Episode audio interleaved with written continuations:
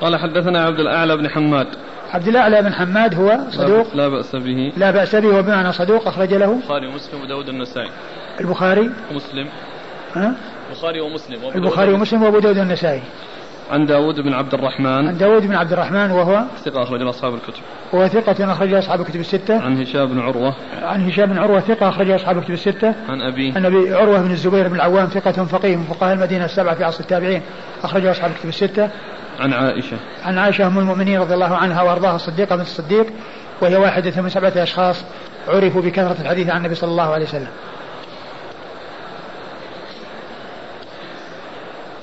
قال حدثنا النفيلي قال حدثنا زهير قال حدثنا أبو إسحاق عن مجاهد قال سئل ابن عمر رضي الله عنهما كم اعتمر رسول الله صلى الله عليه وآله وسلم؟ فقال مرتين فقالت عائشة رضي الله عنها لقد علم ابن عمر أن رسول الله صلى الله عليه وآله وسلم قد اعتمر ثلاثا سوى التي قرنها بحجة الوداع. ثم ورد أبو داود حديث عا- عائشة رضي الله عنها أن النبي صلى الله عليه وسلم اعتمر ثلاثا سوى حجته عمرته التي قرنها بحجة الوداع التي قرنها بحجة الوداع. وابن عمر قال يعني اثنتين وقد سبق أن مر يعني قوله اثنتين وهنا قالت عائشة لقد علم ابن عمر أن النبي صلى الله عليه وسلم اعتمر ثلاث ولعله يقصد بالاثنتين اللي كانت مستقلات يعني التي هي عمرة القضية وعمرة الجعرانة. وأما الباقيات فالأولى صد عنها ولكنها عمرة والثانية مقرونة مع الحج. والحديث ضعفه الألباني ولا أدري وش وجه التضعيف. فالحديث يعني مطابق للأحاديث الأخرى. من جهة أن عمر النبي صلى الله عليه وسلم أربع وأن واحدة منهن مع حجته والإسناد يعني ليس فيه شيء. وحتى لو كان فيه كلام فإن الأحاديث الأخرى تشهد له وتدل عليه. قال حدثنا النفيلي.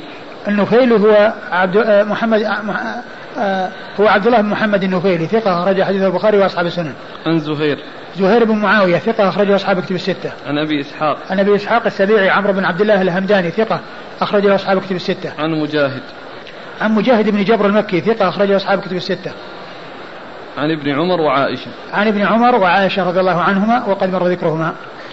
قال حدثنا النفيلي وقتيبة قال حدثنا داود بن عبد الرحمن العطار عن عمرو بن دينار عن عكرمة عن ابن عباس رضي الله عنهما أنه قال اعتمر رسول الله صلى الله عليه وآله وسلم أربع عمر عمرة الحديبية والثانية حين تواطؤوا على عمرة من قابل والثالثة من الجعرانة والرابعة التي قرن مع حجته وهذا. وأيضا أورد حديث ابن عباس آه أن الذي فيه بيان عمر النبي صلى الله عليه وسلم وأنها أربع عمرة الحديبية وعمرة القضاء وعمرة الجعرانة والعمرة المقرونة مع حجته.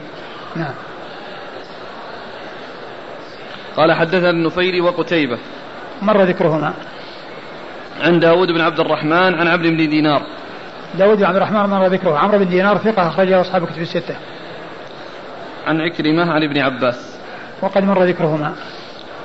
قال حدثنا أبو الوليد الطيالسي وهدبة بن خالد قال حدثنا همام عن قتادة عن أنس رضي الله عنه أن رسول الله صلى الله عليه وآله وسلم اعتمر أربع عمر كلهن في ذي القعدة إلا التي مع حجته. ثم ورد أبو داود حديث أنس نعم. أن النبي صلى الله عليه وسلم اعتمر أربع عمر كلهن في ذي القعدة إلا العمرة التي مع حجته. وهذا مثل ما تقدم. إلا أن قوله إلا التي مع حجته لا ينافي ما تقدم لأن العمرة التي مع الحجة حصل الإحرام بها في ذي القعدة ولكن أداؤها في ذي الحج في ذي الحجة أداؤها في ذي الحجة. فالقول بأنها عمرة في ذي القعدة لا ينافي يعني آه، ما جاء من هنا من الاستثناء لأن العبرة البداية والنهاية. فالبداية في ذي القعدة بلا شك لأن الرسول صلى الله عليه وسلم أحرم وخرج من المدينة في آخر ذي القعدة. وأحرم بالحج والعمرة معا. فهو قارن. فقد أحرم بالعمرة من الميقات مع الحج قارنا. ولكن التنفيذ الذي هو الطواف والسعي للحج والعمرة إنما كان في شهر ذي الحجة. فلا تنافي يعني بين ما تقدم وبين هذا لأن المعتبر آه، البداية بالنسبة للإحرام وأما التنفيذ فكان في ذي الحجة. قال حدثنا أبو الوليد الطيالسي أبو أبو الوليد الطيالسي الطيالسي هشام بن عبد الملك ثقة أخرج له أصحاب كتب الستة. وهدبة بن خالد. وهدبة بن خالد ثقة أخرج له. البخاري ومسلم وداود. البخاري ومسلم. وأبو داود. البخاري ومسلم وأبو داود وهدبة بن خالد هذا هو الذي يقال له هداب وكثيرا ما يأتي في صحيح مسلم هداب وقيل إن هدبة اسمه وهداب لقبه والبخاري لا يذكره إلا بهدبة وأما مسلم فيذكره كثيرا بهداب وأحدهما اسم والثاني لقب واللقب يعني يؤخذ من الاسم أحيانا ويكون هذا من هذا القبيل هدبة اسمه ويقال له هداب مأخوذ من هدبة نعم. عن همام عن همام بن يحيى ثقة أخرجه أصحاب كتب الستة. عن قتادة. عن قتادة بن دعامة السدوسي البصري ثقة أخرجه أصحاب كتب الستة. عن أنس. عن أنس وقد مر ذكره. قال أبو داود أتقنت منها هنا من هدبة وسمعته من أبي الوليد ولم أضبطه. عمرة زمن الحديبية أو من الحديبية وعمرة القضاء في ذي القعدة وعمرة من الجعرانة حيث قسم غنائم حنين في ذي القعدة وعمرة مع حجته. ثم قال أبو داود أتقنت من ها هنا عن هدبة ولم أتقنه من أبي الوليد. ثم ذكر ذلك الذي أتقنه وهو التفصيل. حيث قال عمرة زمن الحديبية عمرة زمن الحديبية والتي صده عنها المشركون وتحلل صلى الله عليه وسلم بحلق رأسه ونحر هديه وعمرة القضاء القضاء أو القضية. وعمرة من الجعران. وعمرة من الجعران في السنة الثامنة. والعمرة حيث قسم غنائم حنين في ذي القعدة. حيث قسم غنائم حنين في ذي القعدة. وعمرة مع حجته. وعمرة مع حجته نعم. قال رحمه الله تعالى باب المهلة بالعمرة تحيض. فيدركها الحج فتنقض عمرتها وتهل بالحج. هل تقضي عمرتها؟ قال حدثنا عبد الأعلى بن حماد قال حدثنا داود بن عبد الرحمن قال حدثني عبد الله بن عثمان بن خثيم عن يوسف بن ماهك عن حفصة بنت عبد الرحمن بن أبي بكر عن أبيها رضي الله عنهم عنه أن رسول الله صلى الله عليه وآله وسلم قال لعبد الرحمن يا عبد الرحمن أردف أختك عائشة رضي الله عنها فأعمرها من التنعيم فإذا هبطت بها من الأكمة فلتحرم فإنها عمرة متقبلة. ثم ورد أبو داود المهلة بالعمرة يأتيها الحيض فلا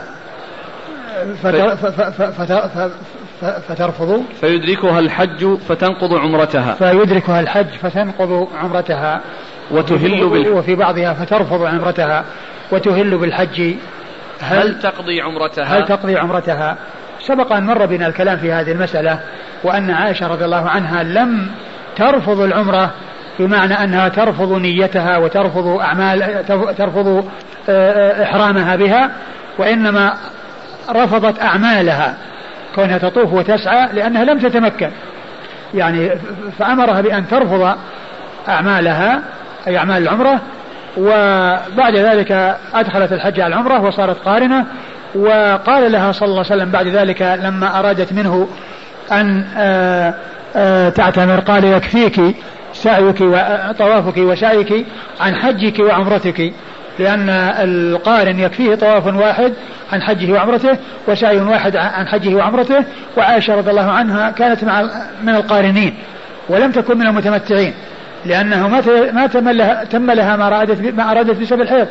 وأما أمهات المؤمنين فتم لهن ما أردنا لأنه ما جاءهن الحيض فأتممنا عمرتهن ثم أحرمنا بالحج. وأرادت رضي الله عنها وأرضاها أن يكون عندها طواف وسعي مستقل وطواف وسعي مستقل كما حصل لأمهات المؤمنين وكما أرادت في أول الأمر. والنبي صلى الله عليه وسلم قال يكفيك طوافك وسعيك عن حجك وعمرتك. ولما ألحت عليه أمر أخاها بأن يذهب بها إلى التنعيم وأن تحرم من هناك وهو لم يأذن لها إلا بعد إلحاحها عليه فهي عمرة ثانية وليست بديلة عن العمرة السابقة لأن العمرة السابقة موجودة مقرونة مع الحج كما قرن رسول الله صلى الله عليه وسلم بين العمرة والحج. عائشة قرنت بين العمرة والحج أدخلت الحج على العمرة فصارت قارنة. وهذه ليست عوض عنها التي هي العمرة الآخرة بل هذه عمرة ثانية.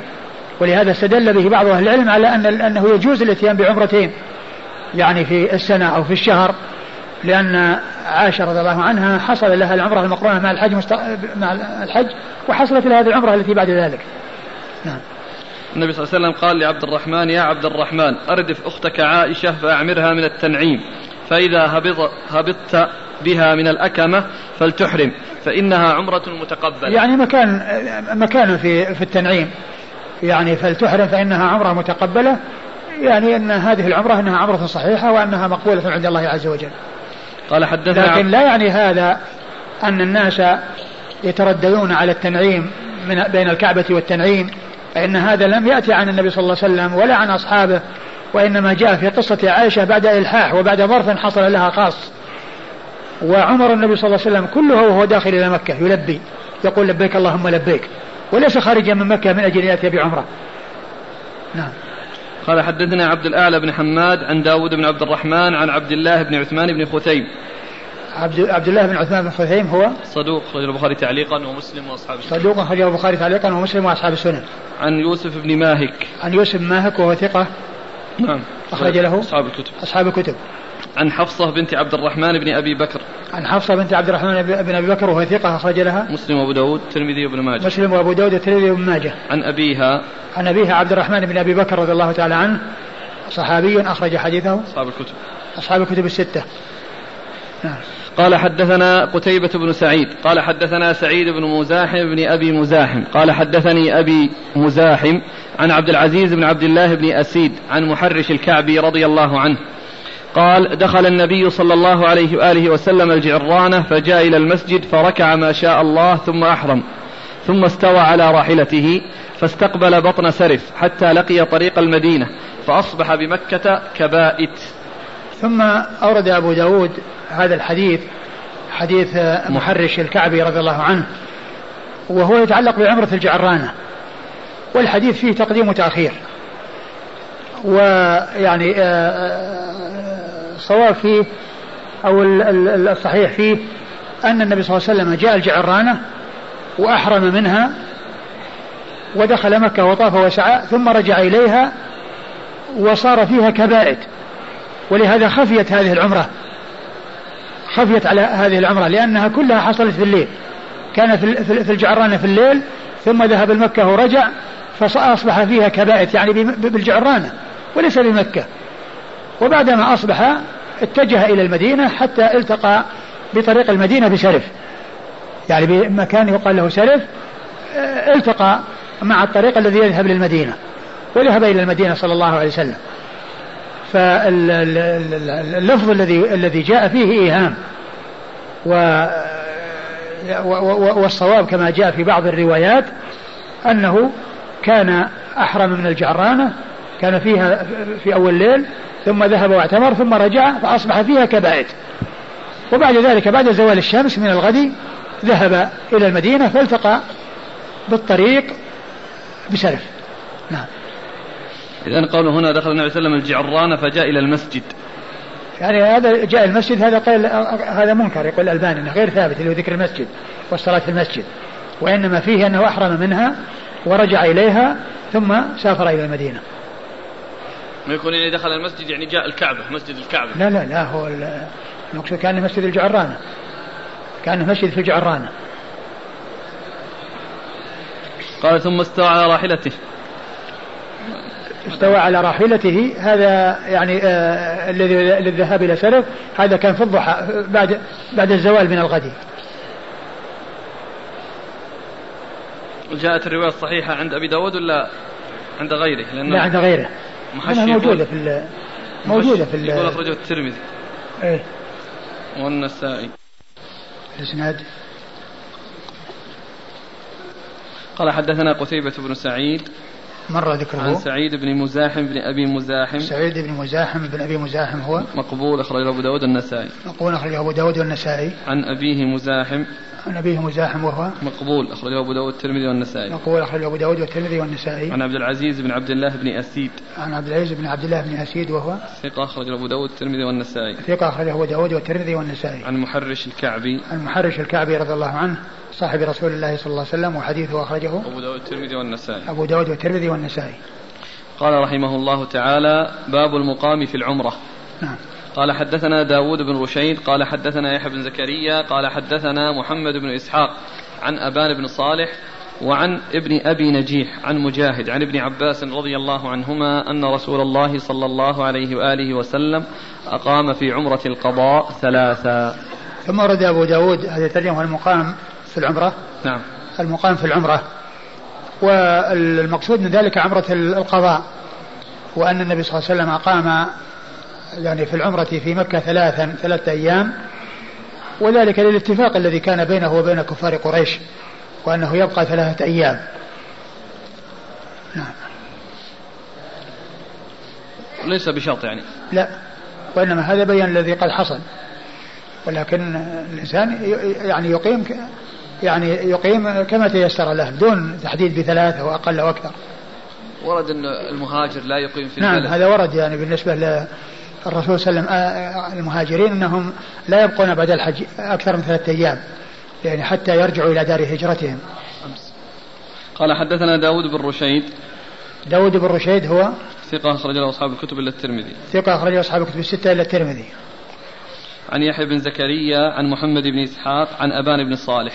آه، أبان بن صالح هو ثقة أخرج البخاري تعليقا وأصحاب السنن. ثقة أخرجه البخاري تعليقا وأصحاب السنن. وابن أبي نجيح. وعبد الله بن أبي نجيح ثقة أخرج أصحاب كتب الستة. عن مجاهد مجاهد بن جبر مر ذكره. عن ابن عباس. عن ابن عباس مر ذكره والله تعالى أعلم وصلى الله وسلم وبارك على عبده ورسوله نبينا محمد وعلى آله وأصحابه أجمعين. جزاكم الله خيرا وبارك الله فيكم ونفعنا الله بما قلتم. بالنسبة أحسن الله لك للتقصير يسأل يقول هل يكفي في صفة التقصير الأخذ بالمقص من جهة اليمين والشمال والخلف لا لا لا لا بد من التقصير من تقصير الرأس كله. لا يكفي تقصير بعضه كما أنه لا يكفي حلق بعضه. بل يحلق كله أو يقصر كله. سواء بالمقص أو بالمكاين هذه التي الكهربائية التي تأخذ الأطراف وتترك الأصول. والمرأة كيف تقص جزاك الله خير. تأخذ يعني من أطراف كل ظفيرة يعني مقدار بسيط. مقدار الأنملة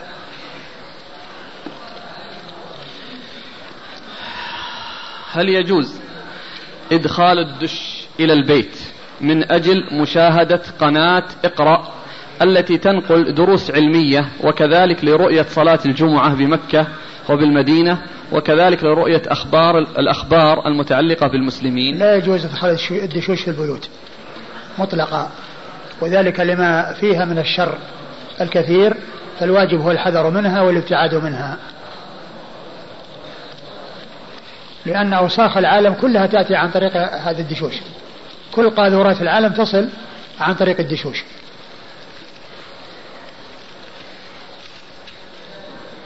هل يجوز التبرك بموضع سجوده صلى الله عليه وسلم أي في المحراب؟ وهل ذلك هو مكان سجوده حقا؟ الله أعلم. يعني هل هذا هل, هل ذلك مكان سجوده؟ الله أعلم. لأن الرسول صلى الله عليه وسلم ما كان له محراب. وإنما كان يصلي ومكان صلاته بين المنبر والبيت. وأيمن الصف من وراء المنبر من جهة الغرب. ولا نعلم يعني مكانا معينا يصلي به النبي صلى الله عليه وسلم.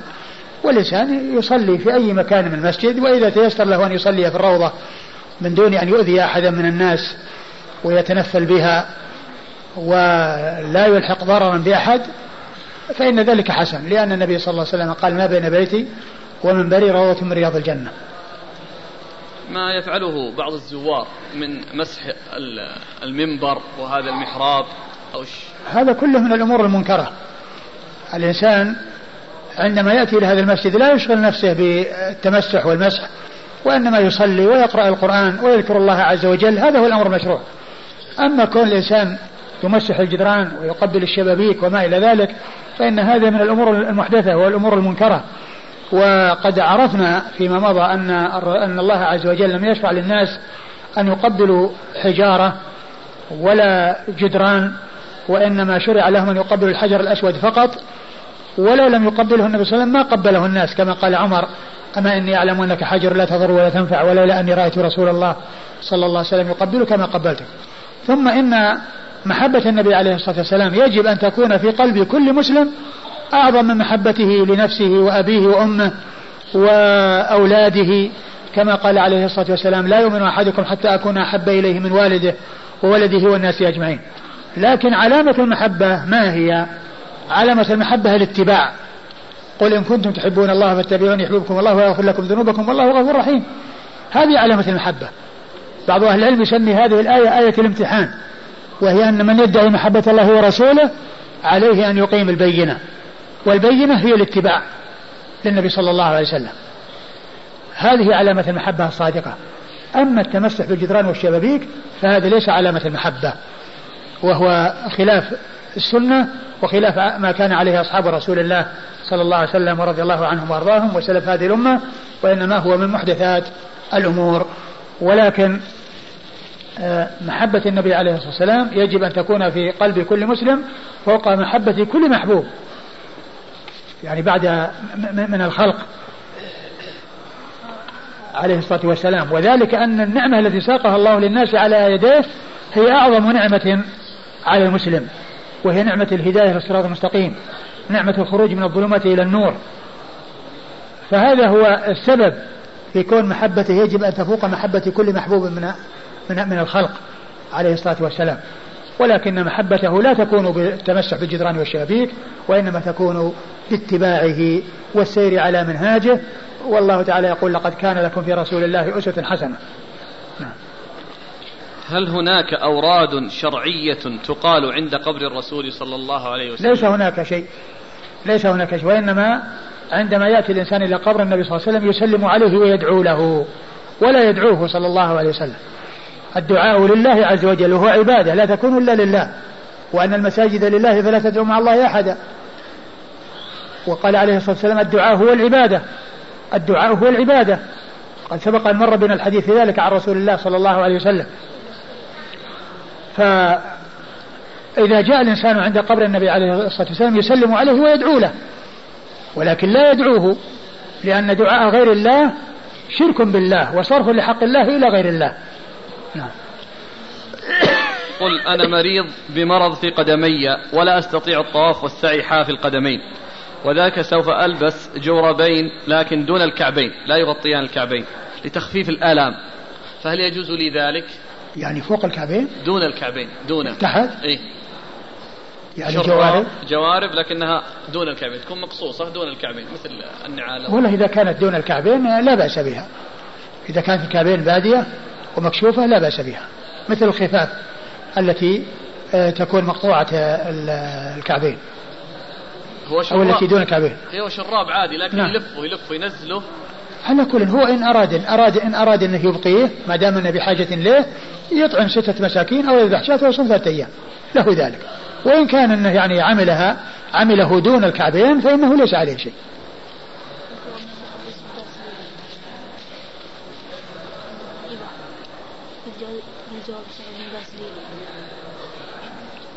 نعم. يقول ما توجيهكم لرجل يريد الحج وهو يريد أن يضحي عن النبي صلى الله عليه وسلم وعن أجداده الذين ماتوا.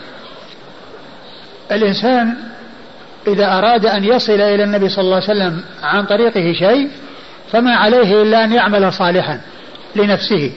ثم الله يعطي نبيه مثل ما أعطاه. لأن النبي صلى الله عليه وسلم هو الذي دل الناس على الخير ومن دل على هدى كان له مثل أجر فاعله. قال عليه الصلاة والسلام من دعا إلى هدى كان له من الأجر مثل أجر من تبعه. لا ينقص ذلك من أجورهم شيئا ومن دعا إلى ضلالة كان عليه من الإثم مثل آثام من تبعه. لا ينقص ذلك من آثامهم شيئا. فإذا أردت أن يصل إلى النبي صلى الله عليه وسلم بسببك شيئا فما عليك إلا أن تعمل لنفسك صالحا أي عمل تعمله صلاتك وزكاتك وصيامك وحجك كل عمل تتقرب به إلى الله عز وجل الله تعالى يثيب نبيه مثل ما أثابك. ولهذا عليه الصلاة والسلام له من الأجر أجور أعماله ومثل أجور أمته من حين بعثه الله إلى قيام الساعة. له مثل أجور أمته من حين بعثه الله إلى قيام الساعة لأنه هو الذي دل الناس على هذا على هذا الحق والهدى. ومن دل على خير فله مثل أجر فاعله.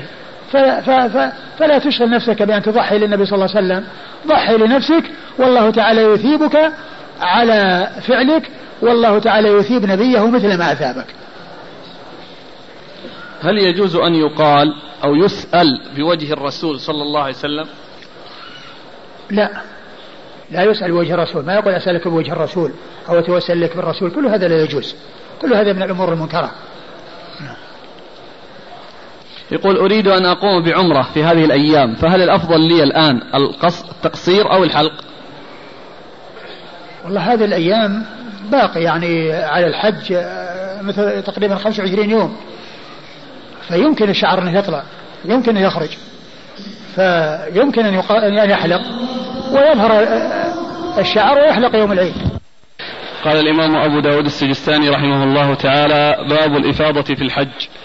قال حدثنا أحمد بن حنبل قال حدثنا عبد الرزاق قال أخبرنا عبيد الله عن نافع عن ابن عمر رضي الله عنهما أن النبي صلى الله عليه وعلى آله وسلم أفاض يوم النحر ثم صلى الظهر بمنى يعني راجعا. بسم الله الرحمن الرحيم. الحمد لله رب العالمين وصلى الله وسلم وبارك على عبده ورسوله نبينا محمد وعلى آله وأصحابه أجمعين. أما بعد يقول الإمام أبو داود السجستاني رحمه الله تعالى باب الإفاضة في الحج. الإفاضة في الحج أي طواف الإفاضة وكون الإنسان بعدما يرمي الجمرة وينحر هديه ويحلق رأسه يذهب إلى مكة. هكذا فعل رسول الله صلى الله عليه وسلم حيث رتب أعمال يوم النحر بهذا الترتيب رمى ثم نحر ثم حلق ثم طاف. ولكنه ما سئل عن شيء قدم ولا أخر في ذلك اليوم إلا قال لا حرج. والإفاضة أو طواف الإفاضة ركن من أركان الحج لا يتم الحج إلا به. ولا يجبر بشيء وإنما لابد من الاتيان به. ولو رجع الإنسان إلى بلده دون أن يطوف لم يتم حجه وعليه أن يرجع من بلده ليطوف هذا الطواف لأنه ركن لا يتم الحج إلا به. والنبي صلى الله عليه وسلم رمى ثم نحر ثم حلق ثم طاف وكان ذلك ضحى. ولكن هل صلى النبي صلى الله عليه وسلم بمكة أو صلى بمنى الظهر. جاءت الأحاديث الصحيحة مختلفة في ذلك. فمنها حديث ابن عمر هذا الذي فيه أن النبي صلى الله عليه وسلم صلى أفاض وصلى الظهر بمنى أي راجعا من مكة. وجاء عن جابر وغيره أن النبي صلى الله عليه وسلم صلى الظهر بمكة. واختلف العلماء في ترجيح ما جاء في كل من الحديثين فمن أهل العلم من رجح أن يكون أن يكون كما قال ابن عمر أنه صلى بمنى أنه صلى أنه صلى بمكة. وذلك قال لأن الرسول صلى الله عليه وسلم رمى ضحى وقد ظلل عليه بثوب يعني من شدة حرارة الشمس وذهب إلى المنحر.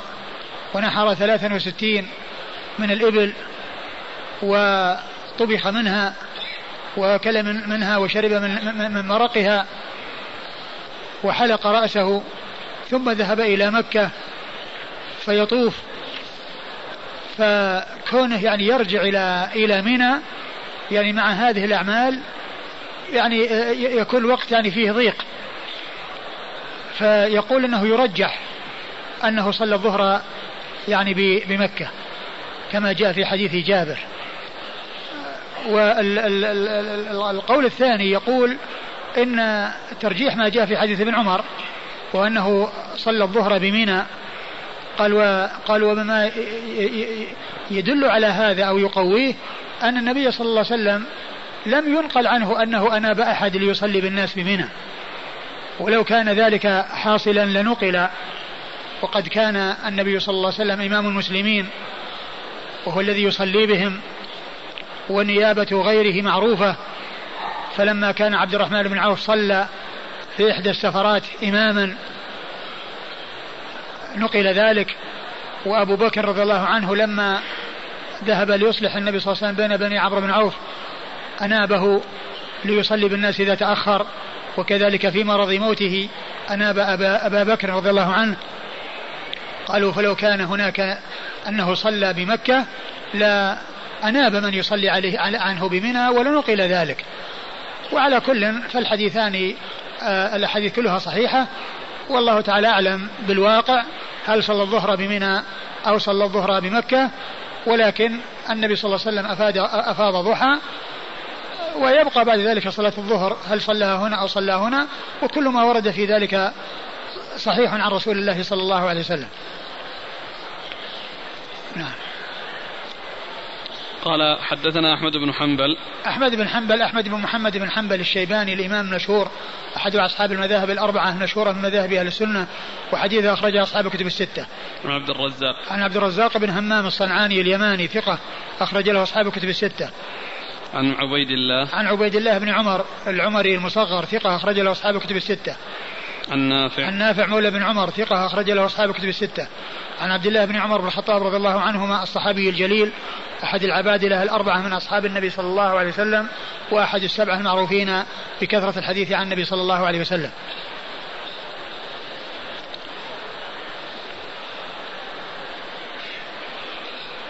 قال حدثنا أحمد بن حنبل ويحيى بن معين. المعنى واحد. قال حدثنا ابن أبي عدي عن محمد بن إسحاق. قال حدثنا أبو عبيدة أبو عبيدة بن عبد الله بن زمعة عن أبيه رضي الله عنه وعن أمه زينب بنت أبي سلمة رضي الله عنهما عن أم سلمة رضي الله عنها يحدثانه جميعا ذاك عنها. قالت كانت ليلة التي يصير إلي فيها رسول الله صلى الله عليه وآله وسلم مساء يوم النحر فصار إلي ودخل علي وهب بن زمعة ومعه رجل من آل أبي أمية متقمصين. فقال رسول الله صلى الله عليه وآله وسلم لوهب هل أفضت أبا عبد الله؟ قال لا والله يا رسول الله. قال صلى الله عليه وآله وسلم انزع عنك القميص. قال فنزعه من رأسه ونزع صاحبه قميصه من رأسه ثم قال ولم يا رسول الله؟ قال إن هذا يوم رخص لكم إذا أنتم رميتم الجمرة أن تحلوا يعني من كل ما, حر ما, ما حرمتم منه إلا النساء. حرمتم؟ من كل ما حرمتم منه إلا النساء. فإذا أمسيتم قبل أن تطوفوا هذا البيت صر صرتم حرما كهيئتكم قبل أن ترموا الجمرة حتى تطوفوا به. ثم ورد أبو داود حديث مسلمة رضي الله عنها أن النبي صلى الله عليه وسلم كان عندها في ليلة آه، مساء يوم النحر أي ليلة الحادي عشر وأنه كان جاء وهب بن زمعة ومعه رجل آخر وكان متقمصي متقمصين يعني قد لبسا قمصا. فقال لهما النبي صلى الله عليه وسلم هل أفضتما؟ هل أفضت يا أبا عبد الله يعني وهب بن زمعة قال لا والله يا رسول الله. قال انزع عنك القميص فنزعه من رأسه وكذلك نزع الآخر. ثم إن النبي ثم قال ولم يا رسول الله؟ يعني أنزع. قال عليه الصلاة والسلام إن إن هذا اليوم رخص لكم فيه. إن, إن هذا اليوم رخص لكم إذا أنتم رميتم الجمرة إن هذا اليوم رخص لكم إذا رميتم أنتم رميتم الجمرة أن أن تحلوا أن تحلوا نعم. يعني من كل ما حرمتم أن تحلوا من كل من كل ما حرمتم منه إلا النساء. أن تحلوا من كل ما حرمتم إلا النساء. فإذا فإذا أمسيتم قبل أن تطوفوا هذا البيت صرتم حرما كهيئتكم قبل أن ترموا الجمرة. فإذا أمسيتم قبل أن تطوفوا هذا البيت صرتم حرما كهيئتكم قبل أن تطوفوا الجمرة أن تطوفوا قبل أن ترموا الجمرة حتى تطوفوا به حتى تطوفوا به. وهذا الحديث يدل على أن الإنسان إذا جاء الليل أو جاء المساء من يوم النحر وهو لم يطف بالبيت أنه يرجع إلى إحرامه وأنه يبقى محرما كهيئته التي كان عليها قبل أن يرمي الجمرة ويستمر في ذلك حتى يطوف بالبيت. هذا هو الذي يدل عليه هذا الحديث. والحديث صححه بعض بعض أهل العلم وتكلموا في متنه وفي آه، العمل به وفي إسناده من هو متكلم فيه وأنه آه، كما قال الحافظ مقبول والمقبول هو الذي آه، يقبل حديثه عند المتابعة الذي يقبل حديثه عند المتابعة. وقد صححه بعض أهل العلم ولأهل العلم فيه كلام آه، لم أتمكن من الوقوف عليه وقد اطلعت عليه سابقا فأنا أرجئ الكلام على ذلك فيما يتعلق بالكلام على هذا الحديث من جهة كون العلماء لم يعملوا به حتى أذكر أو أقف على تلك الأقوال التي آه، آه، سبق أن اطلعت عليها ولكنني ما تمكنت اليوم من الوقوف عليها. نعم. قال حدثنا أحمد بن حنبل ويحيى بن معين. يحيى بن معين ثقة أخرج له أصحاب كتب الستة. عن ابن أبي عدي ابن أبي عدي هو محمد ابن مسلم ابن إبراهيم محمد ابن محمد ابن إبراهيم محمد ابن إبراهيم وهو ثقة أخرجه أصحاب كتب الستة. عن محمد بن إسحاق عن محمد بن إسحاق المدني وهو صدوق أخرجه البخاري تعليقا ومسلم وأصحاب السنن. عن أبي عبيدة بن عبد الله بن زمعة. عن أبي عبيدة بن عبد الله بن زمعة وهو مقبول أخرج حديثه مسلم وأبو داود والنسائي بن ماجه. مسلم وأبو داود والنسائي بن ماجه. عن أبيه عن أبيه وهو عبد الله بن زمعة صحابي أخرج حديثه أصحاب كتب الستة. وعن أمه زينب وعن أمه زينب بنت أم سلمة ربيبة النبي صلى الله عليه وسلم وحديثها أخرجه أصحاب كتب الستة. عن أم سلمة. عن أم سلمة أم المؤمنين هند بنت أبي أمية رضي الله عنها وحديثها أخرجه أصحاب الكتب الستة. وقد سبق أن مر بنا حديث قبل هذا يعني فيه الإشارة أو الدلالة على أن ليلتها ليلة العيد وهي وليست ليلة الحادي عشر. حديث مر بنا قريبا في أن أن أنها أنها قدمها وأنها أفاضت وكانت كان النبي صلى الله عليه وسلم عندها تلك الليلة أو لأن النبي صلى الله عليه وسلم كان عندها تلك الليلة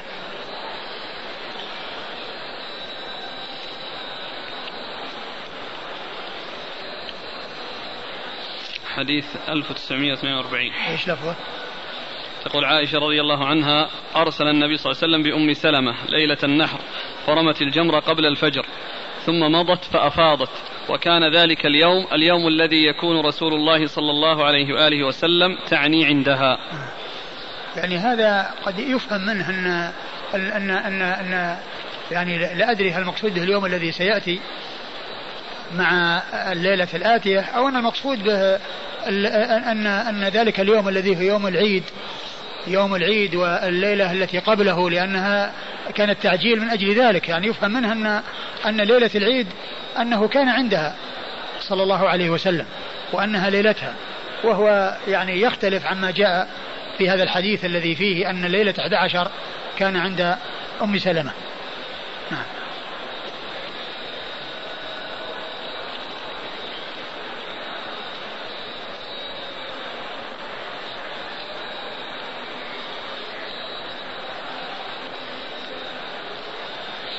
قال حدثنا محمد بن بشار قال حدثنا عبد الرحمن قال حدثنا سفيان عن أبي الزبير عن عائشة وابن عباس رضي الله عنهم أن النبي صلى الله عليه وآله وسلم أخر طواف يوم النحر إلى الليل. ثم ورد أبو داود حديث عائشة وابن عباس. حديث عائشة وابن عباس أن النبي صلى الله عليه وسلم أخر طواف ذلك اليوم إلى الليل. أخر النبي صلى الله عليه وسلم طواف ذلك اليوم إلى الليل.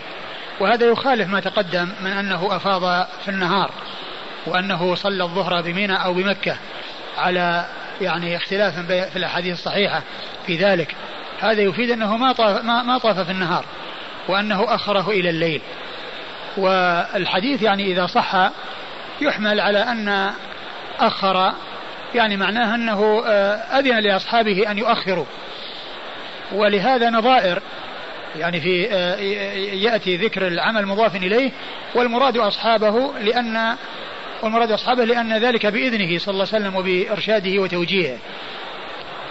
ومن العلماء من قال إن إن هذا الذي أخره إلى الليل إنما هو الذهاب إلى مكة في غير يوم العيد وفي الليالي الأخرى والطواف طواف آه، تطوع. يعني أخر الطواف إلى الليل يعني في الليالي الأخرى وأنه كان يزور البيت. لكن هذا أيضا غير واضح لأن المعروف عن النبي صلى الله عليه وسلم أنه ما دخل البيت إلا في ثلاث, ثلاث مرات. مرة عند طواف القدوم أول ما قدم مكة ومرة عند طواف الإفاضة يوم العيد ومرة عند طواف الوداع ليلة الرابع عشر. لما انصرف من منى وبات بالمحصب ومشى آخر الليل وطاف طواف الوداع وذهب إلى من مكة إلى المدينة صلى الله عليه وسلم. فمن أهل العلم من تأول يعني هذا الذي جاء في الحديث آه، أن المقصود بذلك في الليالي الأخرى وأن هذا طواف آه، ليس للإفاضة وإنما هو لزيارة البيت أو للتطوع. ومن العلماء من ضعف الحديث من جهة أن أبا الزبير مدلس وقد رواه بالعنعنة عن عن عائشة وعن ابن عباس. وعلى كل فالمحفوظ والثابت عن النبي صلى الله عليه وسلم هو الذي جاء في حديث جابر وحديث ابن عمر وغيرهم وهي حديث صحيحة تدل على أنه أفاض ضحى. نعم. قال حدثنا محمد بن بشار. محمد بن بشار الملقب من دار البصري ثقة أخرج له أصحاب كتب الستة. عن ابن مهدي. عن ابن مهدي عبد الرحمن بن مهدي البصري ثقة أخرج له أصحاب كتب الستة. عن سفيان. عن سفيان هو الثوري سفيان بن سعيد بن مسروق الثوري ثقة فقيه. أخرج له أصحاب كتب الستة. عن أبي الزبير. عن أبي الزبير أبي الزبير محمد بن مسلم بن تدرس المكي صدوق. أخرج له أصحاب كتب الستة. عن عائشة وابن عباس. عن عائشة أم المؤمنين الصحابية الصديقة بنت الصديق وهي واحدة من سبعة أشخاص عرفوا بكثرة الحديث عن النبي صلى الله عليه وسلم وابن عباس هو عبد الله بن عباس بن عبد المطلب ابن عم النبي عليه الصلاة والسلام وأحد العبادلة الأربعة من الصحابة وأحد السبعة المعروفين بكثرة الحديث عن النبي صلى الله عليه وسلم. قال حدثنا سليمان بن داود قال أخبرنا ابن وهب قال حدثني ابن جريج عن عطاء بن أبي رباح عن ابن عباس رضي الله عنهما أن النبي صلى الله عليه وآله وسلم لم يرمل في السبع الذي أفاض فيه. ثم ورد حديث ابن عباس. حديث ابن عباس أن النبي صلى الله عليه وسلم لم يرمل في السبع الذي أضاف فيه أفاض فيه. يعني أن أنه لم يحصل منه الرمل وهو أن يسرع الذي هو الإسراع الخفيف مع مقاربة الخطى في الأشواط الثلاثة الأول. الرسول صلى الله عليه وسلم جاء عنه الرمل في طواف العمرة وفي طواف القدوم في حجته صلى الله عليه وسلم.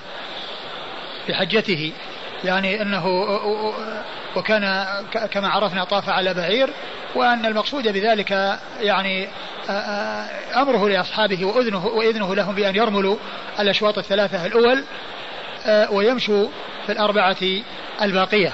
فابن عباس رضي الله عنه يقول إن النبي صلى الله عليه وسلم لم يرمل في الأشواط في لم يرمل في السبع الذي طاف الذي أفاض فيه. ومعنى ذلك أن أن الطواف أن الرمل إنما يكون في أول طواف يكون عند في القدوم إلى مكة سواء كان الإنسان حاجا أو معتمرا. قال حدثنا سليمان بن داود. سليمان بن داود هو المهري. والمصري ثقة أخرج له. أبو داود النسائي أبو داود النسائي عن عبد الله بن وهب المصري ثقة فقيه أخرج له أصحاب كتب الستة. عن ابن جريج. عن ابن جريج عبد الملك بن عبد العزيز بن جريج المكي ثقة أخرج له أصحاب كتب الستة. عن عطاء بن أبي رباح. عن أبي عطاء بن أبي رباح المكي ثقة أخرج له أصحاب كتب الستة. عن ابن عباس. عن ابن عباس رضي الله تعالى عنهما وقد مر ذكره. قال رحمه الله تعالى باب الوداع. قال حدثنا نصر بن علي قال حدثنا سفيان عن سليمان الأحول عن طاووس عن ابن عباس رضي الله عنهما أنه قال كان الناس ينصرفون في كل وجه. فقال النبي صلى الله عليه وآله وسلم لا ينفرن أحد حتى يكون آخر عهده الطواف بالبيت. ثم ورد أبو داود رحمه الله باب الوداع. أي وداع البيت بالطواف فيه سبعة أشواط. يودع البيت إذا انتهى من أعمال الحج ولم يبق إلا السفر والعودة إلى بلاده أو الخروج من مكة إلى أي بلد أخرى فإنه لا يخرج إلا وقد ودع البيت بأن يطوف به سبعة أشواط. والنبي صلى الله عليه وسلم أمر بذلك وفعل ذلك. فإنه فإنه آآ آآ آآ عليه الصلاة والسلام نزل بالمحصب ومشى سحرا إلى مكة وطاف طواف الوداع وسافر في ليلة الرابع عشر. وأورد أبو داود حديث ابن عباس. حديث ابن عباس أن الناس كانوا ينصرفون من كل وجه. يعني يذهبون إلى من كل وجه إلى كل جهة. يعني منصرفين إلى ديارهم بعد أداء الحج. فالنبي صلى الله عليه وسلم قال لا ينفرن أحدكم حتى يكون آخر عهده البيت. يعني لا ينفرن أحدكم يعني لا ينفرن من مكة ومن الحج متجها إلى بلده أو إلى بلد أو أي أو أي أو أو أي, أي, إلى أي بلد آخر حتى يكون آخر عهده البيت. وهذا يدلنا على على طواف الوداع وأنه واجب. ولهذا كما سيأتي رخص فيه للحائض والنفساء. والترخيص للحائض والنفساء يدل على أن غيرهما لم يرخص له وإنما عليه أن يطوف وألا يترك الطواف بل عليه أن يأتي به. نعم.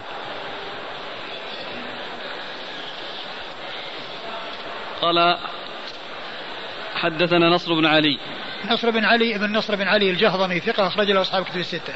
عن سفيان عن سفيان هو بن عيينة ثقة أخرج له أصحاب كتب الستة. عن سليمان الأحول عن سليمان الأحول وهو ثقة أخرج له أصحاب الكتب وهو ثقة أخرج له أصحاب الكتب الستة. عن طاووس عن طاووس بن كيسان وهو ثقة أخرج له أصحاب الكتب الستة. عن ابن عباس عن ابن عباس وقد مر ذكره. هذا في الحج هذا في الحج نعم. وأما في العمرة فالأولى للإنسان أن يودع ولكن إن خرج غير مودع لا شيء عليه لأنه ما جاء شيء يدل على العمرة بخصوصها والنبي صلى الله عليه وسلم قال إنما قال ذلك في الحج فدل على أن طواف الوداع في الحج واجب وأن الإنسان لا ينفر من مكة إلا وقد ودع البيت وأما طواف العمرة وأما طواف الوداع للعمرة فلم يأتي شيئا يخصها ولكن الأولى للإنسان ألا يخرج إلا وقد ودع. فإن خرج غير مودع فلا شيء عليه. قال رحمه الله تعالى باب الحائض تخرج بعد الإفاضة. قال حدثنا القعنبي عن مالك عن هشام بن عروة عن أبيه عن عائشة رضي الله عنها أن رسول الله صلى الله عليه وآله وسلم ذكر صفية بنت حيي رضي الله عنها فقيل إنها قد حاضت فقال رسول الله صلى الله عليه وآله وسلم لعلها حابستنا. قالوا يا رسول الله إنها قد أفاضت. فقال فلا إذن. ثم ورد أبو داود آه، حديث آه، الحائض تخرج بعد الإفاضة. آه، ثم ورد أبو داود باب الحائض تخرج بعد بعد الإفاضة. يعني تخرج من مكة بعد الإفاضة يعني غير مودعة. لا يلزمها أن تنتظر أن تطهر وتطوف طواف الوداع. فقد رخص لها أن تخرج وأنه لا بأس بذلك. وهذا إنما هو للحائض والنفساء. هن اللاتي يرخص لهن بترك طواف الوداع. وأما طواف الإفاضة فإنه لازم للجميع ولا بد للحائض أن تبقى حتى تطهر أو وتطوف. أو إذا كان بقاؤها يعني لا يتيسر وتمكنت من أن تذهب وترجع فإنها تذهب وترجع لأداء طواف الإفاضة لأنه ركن لا يتم الحج إلا به. وطواف الوداع هو الذي يسقط عن الحائض والنفساء. أورد أبو داود حديث. من الصحابي؟ حديث عائشة رضي الله عنها. أورد أبو داود حديث عائشة رضي الله عنها أن أن النبي صلى الله عليه وسلم ذكر صفية فقيل إن إنها حاضت فقال أحابستنا هي؟ يعني معناه أنه ما كان يظن أنها طافت طواف الإفاضة. وأنه سيترتب على ذلك حبس الناس بسببها حتى تطهر آه لتطوف. فلما أخبر بأنها فاضت يوم النحر أفاضت يوم النحر قال فلا إذن. يعني ما في حبس يعني ما في انتظار لأن طواف الوداع يعني حيث بقي طواف الوداع فإنه يسقط عنها.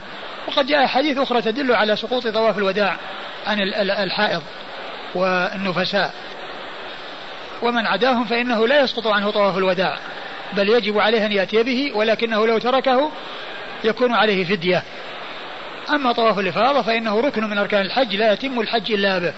ولو خرج الإنسان من مكة غير طائف بالبيت أو أن طوافه غير صحيح طواف الإفاضة فإنه يتعين عليه أن يرجع إلى مكة وأن يأتي بهذا الطواف الذي هو ركن من أركان الحج لا يتم الحج إلا به. وفي كون النبي صلى الله عليه وسلم قال حابستنا هي لما علم بأنها حاضت وكان قال ذلك آه، على اعتبار أنه كان يظن أنها لم تطل طواف الإفاضة. هذا في دليل على أن النبي صلى الله عليه وسلم لا يعلم الغيب. لأنه لو كان يعلم الغيب لما خفي عليه أمر صفية ولا يعلم أنها طافت طواف الإفاضة. فدل هذا على أنه لا يعلم من الغيب إلا ما أطلعه الله عليه وأن هناك غيوب وأشياء تكون موجودة وتكون خفية خفيت عليه صلى الله عليه وسلم كما خفي عليه كون صفية إنما أنها الحيض إنما جاءها بعد الإفاضة. وكما جاء في أحاديث كثيرة منها قضية الإفك وكون النبي صلى الله عليه وسلم مكث مدة متألما متأثرا. مما رميت به عائشة ولا يعلم الحقيقة حتى نزلت براءتها في آيات تتلى في سورة النور. وكذلك العقد الذي كان فقد في سفر من الأسفار وكان تحت الجمل الذي كانت تركبه عائشة وقد بقي الناس يبحثون عن العقد. ولما جاء الصباح ليس معهم ماء فأنزل الله آية التيمم فتيمموا. ثم بعد ذلك أثاروا الإبل وإذا العقد تحت الجمل الذي تركب عليه عائشة. فالنبي صلى الله عليه وسلم ما علم ذلك العقد. وقد كانوا مكثوا في الليل ينتظرون يبحثون عن ذلك العقد. فهذا من الأدلة الدالة على أنه صلى الله عليه وسلم لا يعلم الغيب وأن علم الغيب على الإطلاق إنما هو من خصائص الله سبحانه وتعالى والنبي صلى الله عليه وسلم يطلع يعلم ما أطلعه الله عليه من الغيوب وقد أطلعه الله على غيوب كثيرة وخفي عليه غيوب كثيرة نعم. قال حدثنا القعنبي القعنبي عبد الله بن مسلمة القعنبي ثقة أخرج له أصحاب الكتب الستة إلا من ماجه. عن مالك. مالك بن أنس إمام دار الهجرة المحدث الفقيه الإمام المشهور أحد أصحاب المذاهب الأربعة من مذاهب أهل السنة وحديثه أخرجه أصحاب الكتب الستة. عن هشام بن عروة. عن هشام بن عروة ثقة أخرج له أصحاب الكتب الستة. عن أبيه. عن أبيه عروة بن الزبير بن العوام ثقة فقيه من فقهاء المدينة السبعة في عصر التابعين أخرجه أصحاب الكتب الستة. عن عائشة. عن عائشة وقد مر ذكرها.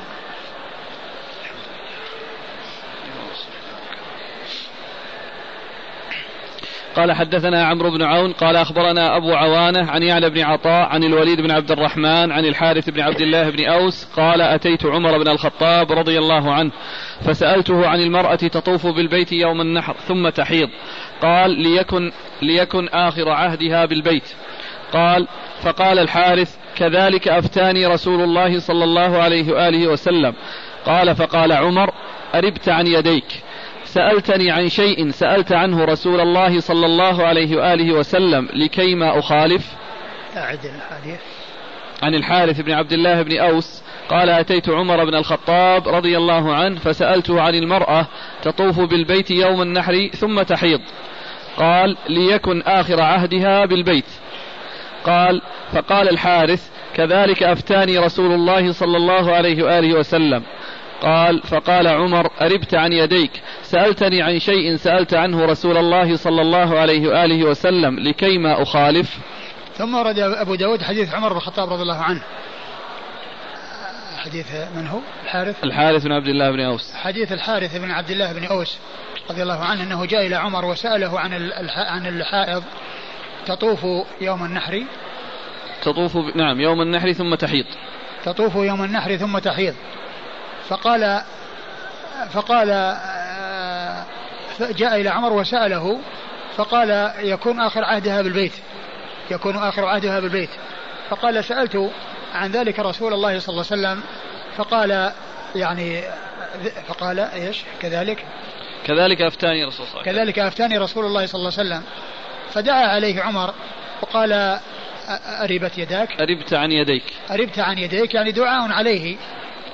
لكونه آه، سأله عن شيء قد سأل عنه الرسول صلى الله عليه وسلم وأنه قد يجيب بشيء يخالف ما جاء عن النبي صلى الله عليه وسلم يعني باجتهاده وعدم اطلاعه وأن من بلغه حديث النبي صلى الله عليه وسلم ليس له أن يسأل غيره عن ما جاء عن النبي عليه الصلاة والسلام.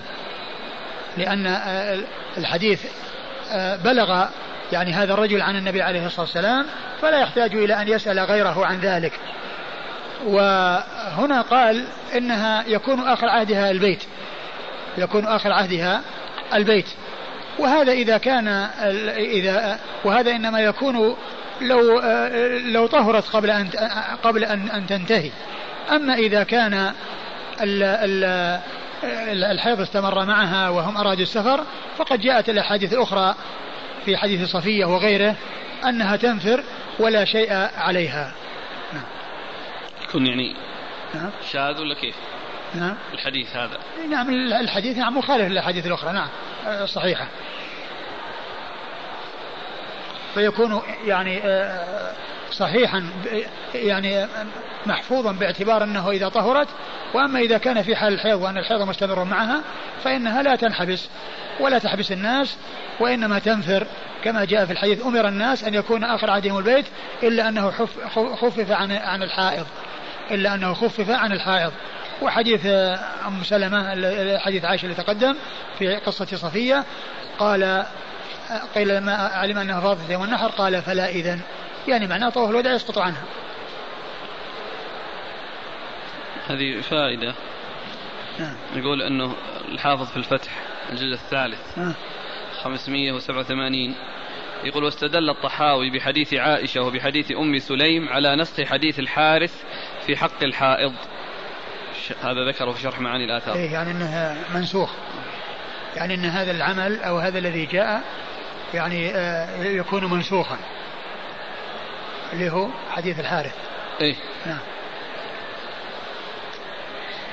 لا بس هذا الأخير جزاكم الله خير التوجيه جيد. يعني لو يعني سأله عن المرأة تطوف بالبيت يوم النحر ثم تحيض قال ليكن آخر عهدها بالبيت. يعني كأنه معناه على توجيه أنها تنتظر ولا يجوز لها أن تنفر حتى تطهر فتطوف ممكن هذا هذا هو الذي يشكل مع حديث أم سلمة حديث قصة صفية. لأن هناك يعني ما في انتظار. نعم. هو حديث حديث صفية قصة صفية. وأما هذا يعني معناه أنه قد يفهم منه انتظار فيكون ذلك منسوخا. لكن فيكون ذلك منسوخا. لكن لو كان أن, أن الحيض آه، ذهب عنها طبعا يكون آخر عهد البيت. إذا بقيت حتى ذهب عنها الحيض أو كانت باقية لأمر من الأمور أو أرادت أن تجلس لا لازم يكون آخر عهد البيت. لأن المن لأن سقوط ذلك عنها في حال الحيض. ولما ذهب الحيض لابد أن تطوف. يعني قول الخطابي أن هذاك على حال وهذه على حال. حديث صفية ينزل على حال الاستعجال أنها لن تجلس مستعجلة. فيسقط هكذا؟ هو يقول آه، قلت وهذا على سبيل الاختيار في الحائض. أي نعم. إذا كان في الزمن نفس نعم. وفي الوقت مهلة.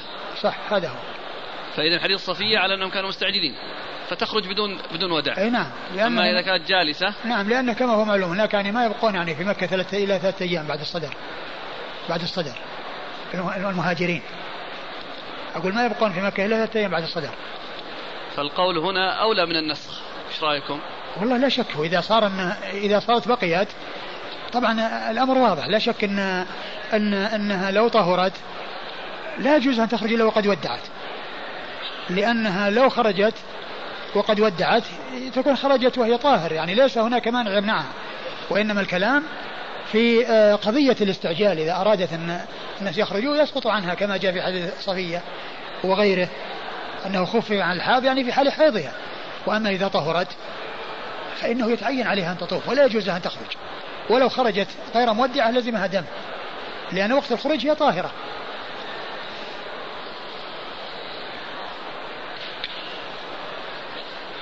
قال حدثنا عمرو بن عون. عمرو بن عون ثقة أخرج له؟ أصحاب الكتب. أصحاب الكتب الستة. عن أبي عوانة. عن أبي عوانة الوضاح بن عبد الله اليشكري ثقة أخرج له أصحاب الكتب الستة. عن يعلى بن عطاء. عن يعلى بن عطاء وهو ثقة أخرجه البخاري في جزء القراءة ومسلم وأصحاب السنن. ثقة أخرجه البخاري في جزء القراءة ومسلم وأصحاب السنن. عن الوليد بن عبد الرحمن. عن الوليد بن عبد الرحمن الجرشي وهو ثقة أخرج البخاري في خلق أفعال العباد ومسلم وأصحاب السنن ثقة أخرجه البخاري في خلق أفعال العباد ومسلم وأصحاب السنن عن الحارث بن عبد الله بن أوس. عن الحارث بن عبد الله بن أوس رضي الله عنه وحديثه أخرجه أبو داود والترمذي والنسائي. أبو داود والترمذي والنسائي. العجيب أن الحافظ في التقريب يقول أنه مختلف في صحبته. اللي هو الحارث بن عبد الحارث. نعم. وهذا الحديث. بس هذا الحديث يدل على صحبته. هذا هو. أقول يدل على صحبته. يقول أفتاني رسول الله صلى الله عليه وسلم. نعم. نعم. أظن ذكره في ثقة التابعين منه. اللي قال ذكره في ثقة التابعين. قال واختلفوا في صحبته وذكره فلان في ثقة التابعين.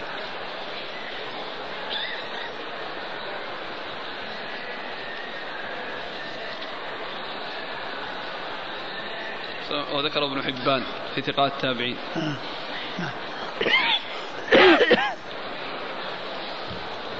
قال رحمه الله تعالى باب طواف الوداع قال حدثنا وهب بن بقية عن خالد عن أفلح عن القاسم عن عائشة رضي الله عنها قالت أحرمت من التنعيم بعمرة فدخلت فقضيت عمرتي وانتظرني, وانتظرني رسول الله صلى الله عليه وآله وسلم بالأبطح حتى فرغت وأمر الناس بالرحيل. قالت وأتى رسول الله صلى الله عليه وآله وسلم البيت فطاف به ثم خرج. ثم ورد أبو داود باب طواف الوداع وهو لا يختلف عن الباب الذي قبله إلا, إلا أن الذي سبق يعني باب الوداع. وكأن هذا التفريق أن المقصود يعني أن, أن, أن الإنسان يعني يودع قبل مغادرة مكة وتلك الترجمة ولكنه أورد الأحاديث التي فيها طواف الوداع يعني في الترجمة السابقة. وهنا ذكر طواف الوداع وأنه وأنه يطاف بالبيت سبعة أشواط عند مغادرة مكة ويقال لذلك طواف الوداع. فالحقيقة يعني ليس بين الترجمتين فرق وكلها تتعلق بطواف الوداع. وأن الإنسان لا يغادر مكة إذا كان حاجا إلا وقد ودع البيت إلا الحائض والنفساء فإنهما قد رخص لهما يعني في ذلك. وقد أورد أبو داود حديث عائشة رضي الله عنها أن النبي صلى الله عليه وسلم لما أعمرها من التنعيم قد كان بالأبطح ينتظرها فلما كان في السحر يعني في آخر الليل نزل إلى مكة وطاف طواف الوداع ثم خرج إلى المدينة صلى الله عليه وسلم. وهذا يدل على طواف الوداع من فعله عليه الصلاة والسلام. والأحاديث التي مرت تدل على طواف الوداع من قوله صلى الله عليه وسلم. فطواف الوداع ثابت من قوله وفعله عليه الصلاة والسلام. قال حدثنا وهب بن بقية. وهب بن بقية الواسطي هو ثقة أخرجه أبو داود والنسائي. ومسلم. أخرجه مسلم وأبو داود والنسائي. عن خالد. عن خالد بن عبد الله الواسطي ثقة أخرجه أصحاب الكتب الستة. عن أفلح. عن أفلح بن حميد وهو ثقة أخرجه أصحاب الكتب إلا الترمذي. وهو ثقة أخرجه أصحاب الكتب الستة إلا الترمذي. عن القاسم عن عائشة. القاسم بن محمد بن أبي بكر الصديق ثقة فقيه. أحد فقهاء المدينة السبعة في عصر التابعين أخرج حديثه أصحاب الكتب الستة. عن عائشة وقد مر ذكرها. قال حدثنا محمد بن بشار قال حدثنا أبو بكر يعني الحنفي قال حدثنا أفلح عن القاسم عن عائشة رضي الله عنها قالت خرجت معه تعني مع النبي صلى الله عليه وآله وسلم في النفر الآخر فنزل المحصب. قال أبو داود ولم يذكر ابن بشار قصة بعثها إلى التنعيم في هذا الحديث. قالت ثم جئته بسحر فأذن في أصحابه بالرحيل فارتحل فمر بالبيت قبل صلاة الصبح فطاف به حين خرج ثم انصرف متوجها إلى المدينة. ثم ورد حديث عائشة من طريق أخرى وفيه ما في الذي قبله. فنزل المحصب من من وأنه نزل المحصب يعني وكانت معه في النفر الآخر الذي هو اليوم الثالث عشر لأن النفر نفران نف... اثنان النفر الأول في اليوم الثاني عشر لمن أراد أن يتعجل. والثاني أو النفر الثاني هو في اليوم الثالث عشر بعد رمي الجمار بعد الزوال لمن أراد أن يتأخر. والنبي صلى الله عليه وسلم قد تأخر في منى في اليوم الثالث عشر حتى رمى الجمار. وانصرف من منى عليه الصلاة والسلام وصلى الظهر والعصر والمغرب والعشاء يعني في في المحصب. ثم إنه انطلق آخر الليل وفي السحر وطاف طواف الوداع صلى الله عليه وسلم. قال حدثنا محمد بن بشار. محمد بن بشار مر ذكره. عن أبي بكر يعني الحنفي. عن أبي بكر الحنفي وهو عبد الكبير بن بن عبد المجيد. عبد الكبير بن عبد المجيد وهو ثقة أخرجه أصحاب الكتب. وهو ثقة أخرجه أصحاب الكتب الستة. عن أفلح عن القاسم عن عائشة. وقد مر ذكر الثلاثة. قال حدثنا يعلى قال حدثنا يحيى بن معين قال حدثنا هشام بن يوسف عن ابن جريج قال أخبرني عبيد الله بن أبي يزيد أن عبد الرحمن بن طارق أخبره عن أمه رضي الله عنها أن رسول الله صلى الله عليه وآله وسلم كان إذا جاز مكانا من دار يعلى نسيه عبيد الله استقبل البيت فدعا. ثم ورد حديث أم أم عبد الرحمن بن طارق. عبد الرحمن بن طارق أن النبي صلى الله عليه وسلم كان إذا جاز مكانا من دار يعلى نسيه عبيد الله آه، استقبل, استقبل البيت. استقبل البيت ودعا. وهذا الحديث يعني لا علاقة له في في طواف الوداع. يعني ليس فيه شيء يدل على على طواف الوداع. ثم أيضا يعني معناه يعني آه، غير واضح. ما أعرف يعني إيش دار آه، دار يعلى هذه. وأيضا ذلك المكان الذي نسيه عبيد الله أنه كان يستقبل البيت ويدعو. والحديث آه، فيه عبد الرحمن بن طارق وهو متكلم فيه. وهو متكلم فيه. قال عنه مقبول. نعم.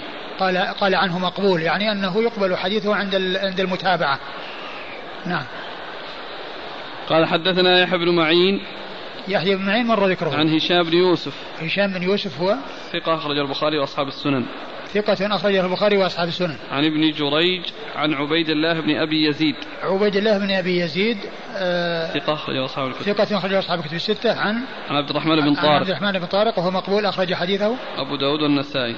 أبو داود والنسائي عن أمه آه من من هي؟ يقول لم أقف على اسمها صحابية أخرج لها أبو داود والنسائي. من يقوله؟ حافظ. وين ذكره؟ المبهمات. المبهمات مبهمات النساء في الأخير عبد الرحمن بن طارق عن أمه. أيوه في مبهمات النساء لم أقف على اسمها أي آه. صحابية لها صحابية لها حديث أخرج لها أبو داود والنسائي أبو داود النسائي نعم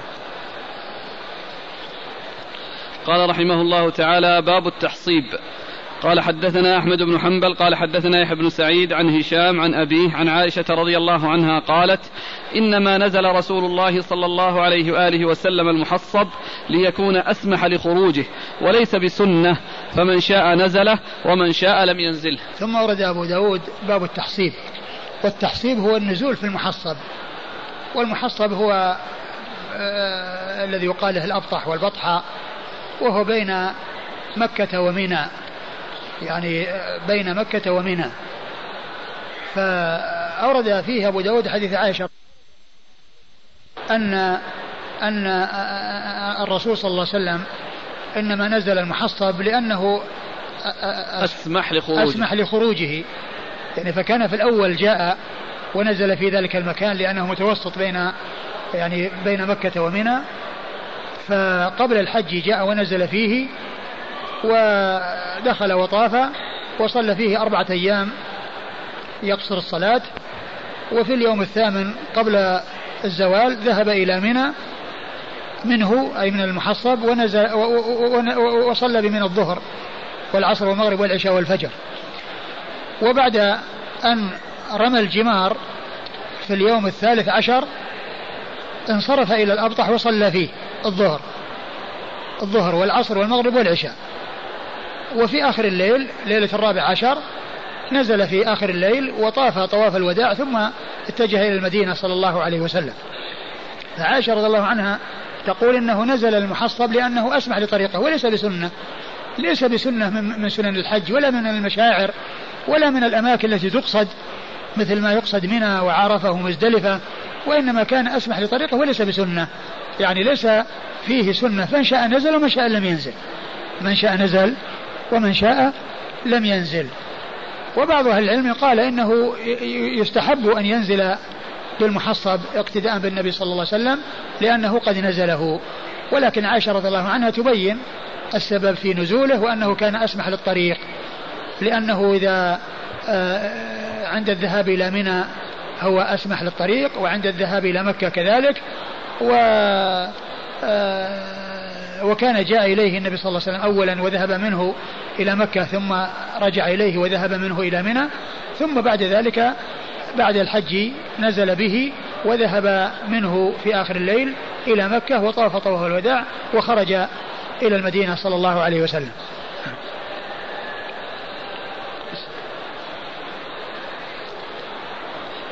المكان هذا يا شيخ؟ هو الأبطح الآن هذه المنطقة التي تقع يعني قريبة من منى يعني اللي هي يسمونها المكان اللي يسمونه العدل الآن.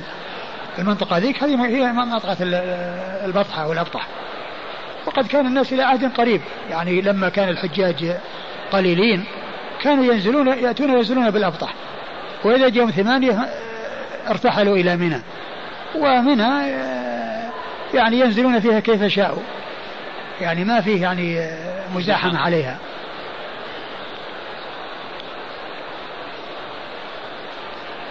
قال حدثنا أحمد بن حنبل عن يحيى بن سعيد يحيى بن سعيد القطان ثقة أخرجه أصحاب كتب الستة. عن هشام عن أبيه عن عائشة. وقد مر ذكر الثلاثة. قال حدثنا أحمد بن حنبل وعثمان بن أبي شيبة المعنى قال حاء وحدثنا مسدد قالوا حدثنا سفيان قال حدثنا صالح بن كيسان عن سليمان بن يسار قال قال أبو رافع رضي الله عنه لم يأمرني رسول الله صلى الله عليه وآله وسلم أن أنزله ولكن ضربت قبته فنزله. قال قال مسدد. ضربت ولا ضربته؟ هي مضبوطة كذا ماشي بس. ولكن ضربت. أي نعم يعني هو يعني هو الذي كان على ثقل النبي صلى الله عليه وسلم. نعم. ولكن ضربت قبته فنزل نعم. قال قال مسدد وكان على ثقل النبي صلى الله عليه وآله وسلم. وقال عثمان يعني في الأبطح. ثم أورد أبو داود حديث أبي رافع رضي الله عنه. أنه قال لم يأمر النبي لم يأمرني النبي صلى الله عليه وسلم أن أنزل في الابطح يعني أبو المحصن. و وقد ضربت قبته فنزلها. يعني من هو الذي سبقه واختار له المكان وكان أسمح للطريق فضرب القبة في ذلك المكان فنزل فيه صلى الله عليه وسلم. يعني ليس هناك أمر بأن ينزل في المكان الفلاني فيكون سنة وإنما آه، هو الذي كان على ثقله يعني على متاعه وعلى يعني شؤونه صلى الله عليه وسلم فكان آه، أن ضرب القبة له في الأبطح فنزلها النبي صلى الله عليه وسلم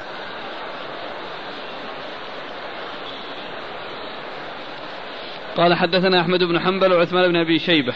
عثمان بن أبي شيبة ثقة أخرجه البخاري ومسلم وأبو داود والنسائي في آه، عمل اليوم والليلة وابن ماجه.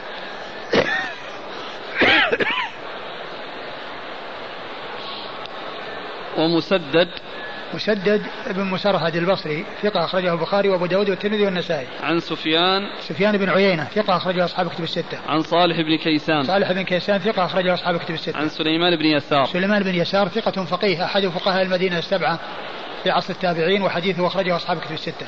عن أبي رافع عن أبي رافع مولى رسول الله صلى الله عليه وسلم وحديثه أخرجه أصحاب كتب الستة.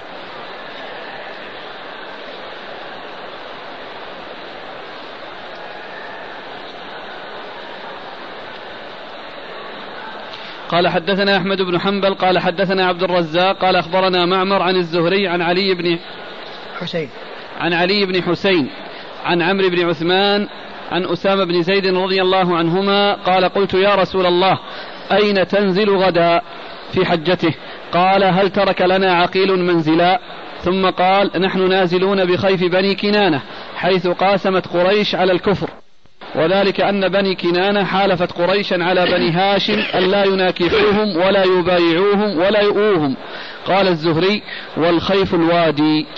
ثم ورد أبو داود حديث, أسامة بن زيد رضي الله عنه أنه سأل النبي صلى الله عليه وسلم عن نزوله بمكة وجاء في بعض الأحاديث هل تنزل بدارك بمكة؟ فقال النبي صلى الله عليه وسلم وهل ترك لنا عقيلا من دور؟ أو ترك لنا عقيل من رباع أي دور. وعقيل هو ابن أبي طالب. وذلك أن أبا أن أبا طالب ورثه أبناءه الكفار الذين هم طالب و وعقيل وطالب يعني قتل يوم يوم بدر يعني كافرا. فبقي عقيل هو الذي حاز الدار التي كان يسكنها أبو طالب وكان النبي صلى الله عليه وسلم يسكن مع أبي طالب فيها. ثم يعني ثم بعد ذلك آه، آه، حازها الذي هو عقيل. ولم يكن لعلي و وعقيل آه، شيء لأنهما أسلما. ومن المعلوم أن الكافر يعني المسلم لا يرث الكافر والكافر لا يرث المسلم فورثه عقيل. وطالب ولكن طالبا قتل يوم بدر فبقي الذي تصرف فيها وباعها هو عقيل آه، آه، ابن أبي طالب قبل أن يسلم. وبعد ذلك أسلم رضي الله عنه. عقيل أسلم بعد ذلك ولكنه كان ورث في حال كفره وتصرف في تلك الدار. فالنبي صلى الله عليه وسلم قال وهل ترك لنا عقيل من دار؟ أي أنه آه، حازها وتصرف فيها وباعها. نعم. نحن نازلون بخيف بني كنانة. نازلون بخيف بني كنانة وهو الأبطح حيث تقاسم يعني آه، آه، تقاسم بنو كنانة مع قريش على محاصرة النبي صلى الله عليه وسلم أو محاصرة قريش محاصرة بني هاشم. نعم. بس إيش العلاقة الآن؟ نعم ما فهمت. يعني كأن الرسول صلى الله عليه وسلم بين أن النزول سيكون في ذلك المكان الذي هو حصل فيه كذا وكذا. التعريف وليس لأجل نعم يعني تعريفا بالمكان. أي نعم تعريفا بالمكان. ومن أهل العلم من يقول أن المقصود من ذلك هو أن المكان الذي حصل فيه إظهار الكفر ويعني إعلان الكفر ومعاداة أهله أنه النبي صلى الله عليه وسلم كان يعني أراد أن ينزل فيه الذي آآ آآ آآ هو فيه إظهار قوة المسلمين. بعض العلم قال هذا.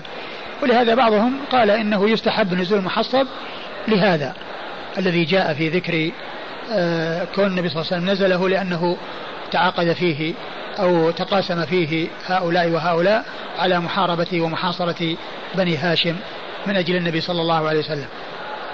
يقول الزهري والخيف الوادي.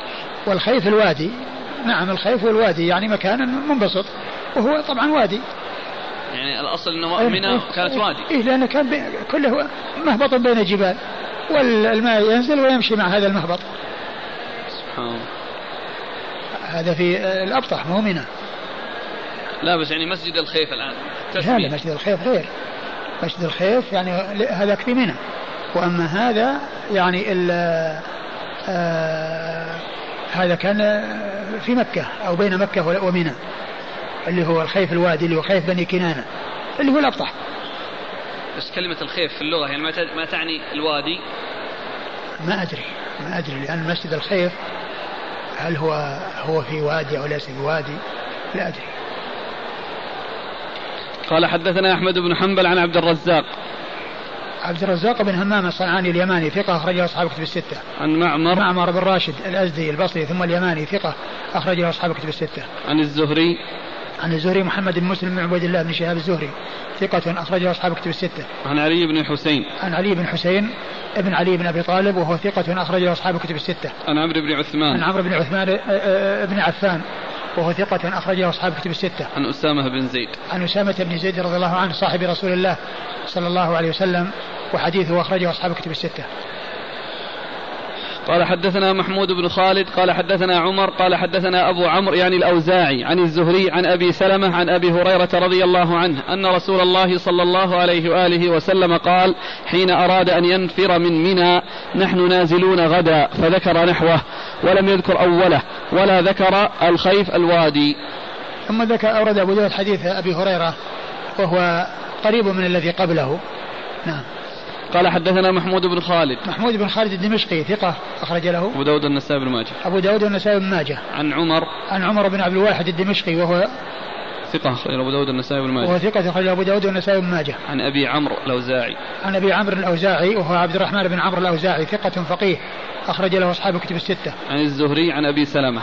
عن الزهري مر ذكره أبو سلمة بن عبد الرحمن بن عوف ثقة أخرج له أصحاب كتب الستة. عن أبي هريرة. عن أبي هريرة عبد الرحمن بن صخر الدوسي صاحب رسول الله صلى الله عليه وسلم وهو أكثر الصحابة حديثا على الإطلاق رضي الله عنه وأرضاه. قال حدثنا موسى أبو سلمة قال حدثنا حماد عن حميد عن بكر بن عبد الله وأيوب عن نافع أن ابن عمر رضي الله عنهما كان يهجع هجعة بالبطحاء ثم يدخل مكة ويزعم أن رسول الله صلى الله عليه وآله وسلم كان يفعل ذلك ثم ورد أبو داود حديث ابن عمر أنه كان يهجع هجعة يعني ينام يعني في أول الليل ثم يخرج ويزعم أن النبي صلى الله عليه وسلم كان يفعل ذلك. يزعم يعني يخبر لأن الزعم هنا يراد به الخبر المحقق.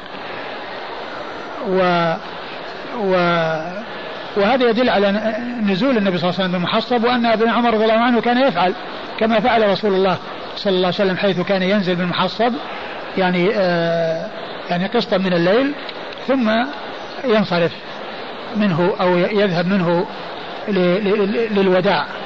نعم. قال حدثنا موسى أبو سلمة. موسى بن إسماعيل التبوذكي أبو سلمة ثقة أخرج له أصحاب كتب الستة. عن حماد. حماد بن سلمة ثقة أخرجه البخاري تعليقا ومسلم وأصحاب السنن. عن حميد. عن حميد بن أبي حميد الطويل ثقة اخرج له أصحاب كتب الستة. عن بكر بن عبد الله. عن بكر بن عبد الله المزني ثقة اخرج له أصحاب كتب الستة. وأيوب. وأيوب آه ابن أبي تميم السختياني ثقة اخرج له أصحاب كتب الستة. عن نافع عن ابن عمر. عن نافع مولى ابن عمر آه عن ابن عمر وقد مر ذكرهما. من هو؟ يفعل ذلك يعني انه ينزل في هذا المكان ونعم هو نزل في ذلك المكان يعني في ليلة الرابع عشر. لأن الرسول نزل له في ليلة الرابع عشر ونزل له قبل الحج أربعة أيام. ولكن الذي فعله ابن عمر يعني اللي يبدو أنه بعد الحج لأنه قال هجع ثم فعل ذهب وكان النبي يفعله يعني أنه يبيت به ليلة الرابع عشر. بل إنه جاءه بعد الزوال بعد الزوال ورمي الجمار وصلى فيه الظهر.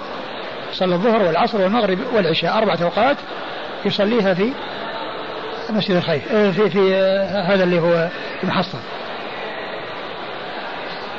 التأخير هذا لأجل عائشة رضي الله عنها أو لأجل الناس يجتمعون؟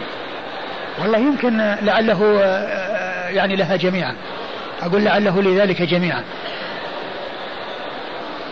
قال حدثنا أحمد بن حنبل قال حدثنا عفان قال حدثنا حماد بن سلمة قال أخبرنا حميد عن بكر بن عبد الله عن ابن عمر وأيوب عن نافع عن ابن عمر رضي الله عنهما أن النبي صلى الله عليه وآله وسلم صلى الظهر والعصر والمغرب والعشاء بالبطحاء ثم هجع بها هجعة ثم دخل مكة وكان ابن عمر رضي الله عنهما يفعله.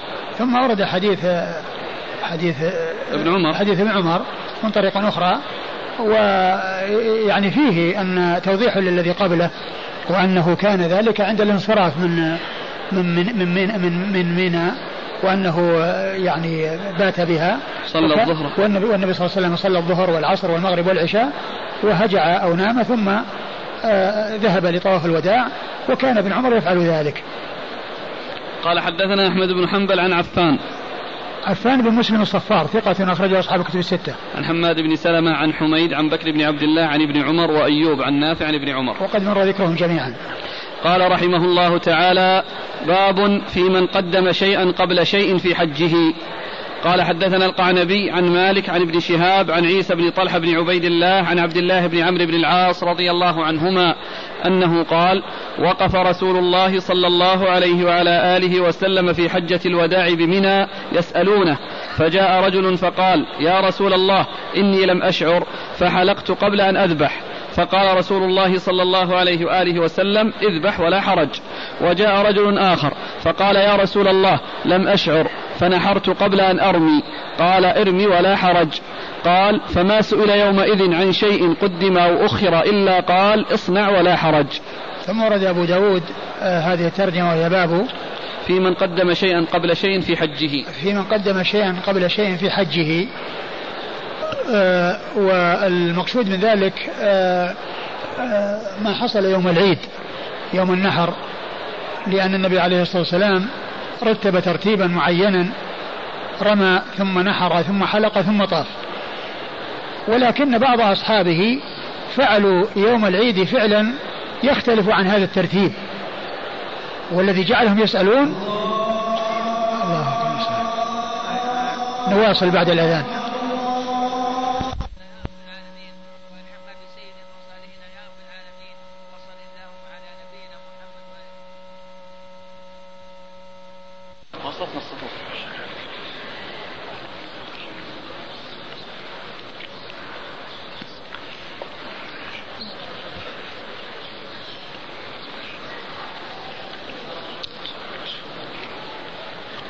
الرسول صلى الله عليه وسلم لما آه، يوم العيد رمى ثم نحر ثم حلق ثم طاف هكذا رتب النبي صلى الله عليه وسلم. ولما كان بعض الصحابة فحصل منه تقديم وتأخير لا يتفق مع ترتيب النبي صلى الله عليه وسلم جعلوا يستفتونه. فيقول بعضهم فعلت كذا قبل أن أفعل كذا. قال بعضهم آه، آه، حلقت قبل أن أذبح قال اذبح ولا حرج. وقال آخر حلقت آه، نحرت قبل, قبل أن أرمي. نحرت قبل أن أرمي قال أرمي ولا حرج. فما سئل عن شيء قدم ولا أخر إلا قال لا حرج. يعني افعل اصنع كذا ولا حرج. أي افعل الشيء الذي بقي عليك ولا حرج عليك في كونك قدمت غيره عليه. والسبب في السؤال هو كون فعلهم اختلف عن فعله صلى الله عليه وسلم. لأنه رمى ثم نحر ثم حلق ثم طاف. فلما علموا ترتيب النبي صلى الله عليه وسلم حصل من بعضهم أنه سأل هل يترتب عليه شيء فقال لا حرج. لا حرج. يعني لا, لا يعني لا إثم ولا ولا ولا فدية ولا كفارة. يعني في ذلك. نعم. فهل يجعل هذا تعليلا للحكم؟ أما الآن فقد علم المسلمون حجته صلى الله عليه وسلم. نعم. يعني آه يعني هذا يدل على أن التقديم والتأخير جائز. يدل على أن تقديم, تقديم والتأخير جائز. لأنه لو كان غير جائز لبين النبي صلى الله عليه وسلم أن أن هذا الفعل لا يجوز. وكونه أخبر بأن التقديم والتأخير يعني سائغ يدل على أن هذا حكم مستمر وليس ذلك مقصورا على ذلك الزمان. حتى العالم. أقول حتى العالم. يعني حتى لو إنسان قدم عالما لا بأس عليه. يعني قوله لم أشعر. نعم بعض أهل العلم قال كلمة لم أشعر. لكن النبي صلى الله عليه وسلم قال لا حرج. قال حدثنا القعنبي عن مالك عن ابن شهاب عن عيسى بن طلحة بن عبيد الله. عيسى بن طلحة بن عبيد الله ثقة أخرج له. أصحاب الكتب. أخرجه أصحاب الكتب الستة. عن عبد الله بن عمرو بن العاص. عن عبد الله بن عمرو بن العاص رضي الله تعالى عنهما صحابي جليل أحد العباد له الأربعة من أصحاب النبي صلى الله عليه وسلم وحديثه أخرجه أصحاب الكتب الستة. قال حدثنا عثمان بن أبي شيبة قال حدثنا جرير عن الشيباني عن زياد بن علاقة عن أسامة بن شريك رضي الله عنه. قال خرجت مع النبي صلى الله عليه وآله وسلم حاجا فكان الناس يأتونه. فمن فمن قال يا رسول الله سعيت قبل أن أطوف أو قدمت شيئا أو أخرت شيئا فكان يقول لا حرج لا حرج. إلا على رجل اقترض عرض رجل مسلم وهو ظالم فذلك الذي حرج وهلك. ثم ورد أبو داود حديث أسامة بن شريك. نعم. أسامة بن شريك رضي الله عنه أنه حج مع النبي صلى الله عليه وسلم فجاء الناس يسألونه. فمن من قائل يقول آه، سعيت قبل أن أطوف؟ قال لا حرج. وبعض أهل العلم قال إن هذا يعني معناه أنه آه، أنه مقصوده السعي الذي مع طواف القدوم. والنبي صلى الله عليه وسلم قال لا حرج. لكن الذي يبدو والله أظهر والله أعلم أن, أن هذا إنما يقصد به الذي حصل يوم النحر. لأنه سعى قبل أن يطوف فالنبي صلى الله عليه وسلم قال لا حرج.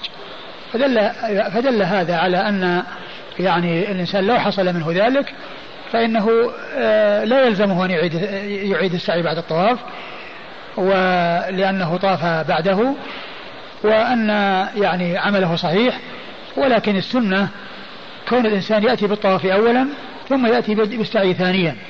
ويكون هذا في حق القارنين في حق المتمتعين الذين عليهم طواف وسعي وكذلك في حق القارنين والمفردين الذين لم يسعوا مع طواف القدوم فيكون عليهم بعد طواف الإفاضة السعي بين الصفا والمروة. فالذي يبدو أن هذا كله في أعمال يوم العيد وأعمال يوم النحر. التقديم والتأخير حصل في ذلك اليوم أحد قدم وأخر.